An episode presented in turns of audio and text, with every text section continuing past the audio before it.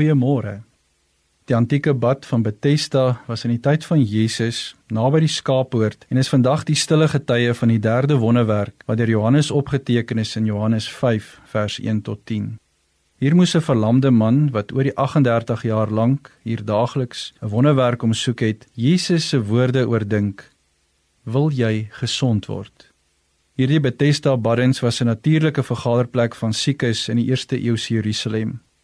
Die verlamde man is naamloos, net soos die bruidegom en bruid van Kana en die regeringsamptenaar van Kapernaum. Hierdie man is behoeftig want hy het 'n gebrek. Vir 'n leeftyd het hy na die bad van Bethesda gegaan om daar te gaan bedel vir sy daaglikse bestaan. Dag in en dag uit. Die mees eentonige bestaan waaraan jy kan dink.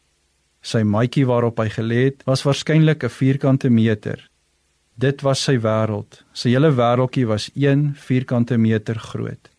Maar een ding kom die heeltyd terug en dit het sy hoop nie gesteel of weggeneem nie. Een keer in 'n baie lang tyd sou daar aksie wees langs hierdie Bethesda bad. Hy sou dit agterkom as daar 'n beroering onder al die siekes begin het wat almal hier was met 'n verwagting. Hulle beroering is veroorsaak deur 'n beweging in die waterpoele, so asof dit onsigbaar geroer word.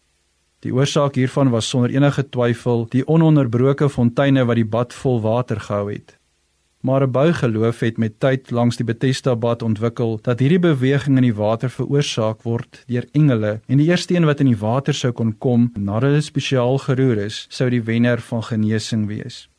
Nou hierdie wil vir ons lyk soos 'n baie slegte toneel uit 'n slegte film.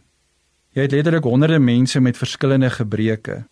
Party kan glad nie loop nie. Dis krikke en dis draagbare Party kan nie sien nie en almal van hulle is hier in kompetisie om eerste in hierdie pool te wees sodra daar beweging in die water is. Kan jy 'n plek dink waar meer teleurstelling om afgespeel het as juis hier? Die enigste wat meer tragies is in hierdie toneel is dat dit 'n valse hoop was wat gebaseer was op 'n valse aanname. Ons hou maar vas in ons eie bygelowe vandag, doen ons nie. Met ons eie bygelowe probeer ons om die bonatuurlike op te roep maar die realiteit is dat dit die bonatuurlik eintlik herroep.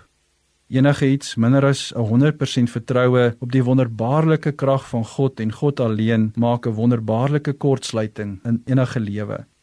Ja, sodra jy jou geloof in Jesus verruil vir 'n bygeloof, loop jy die eintlike wonderwerk mis. Soos 'n man het misgeloop het of is dit misgelê en misgewag het vir 38 jaar. Hierdie man se mees inperkende gebrek was nie sy fisiese gebrek nie, maar sy valse aanname. Stel jouself voor 38 jaar 13870 dae in afwagting.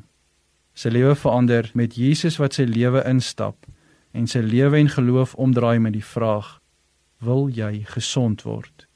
Bid vanoggend saam met my.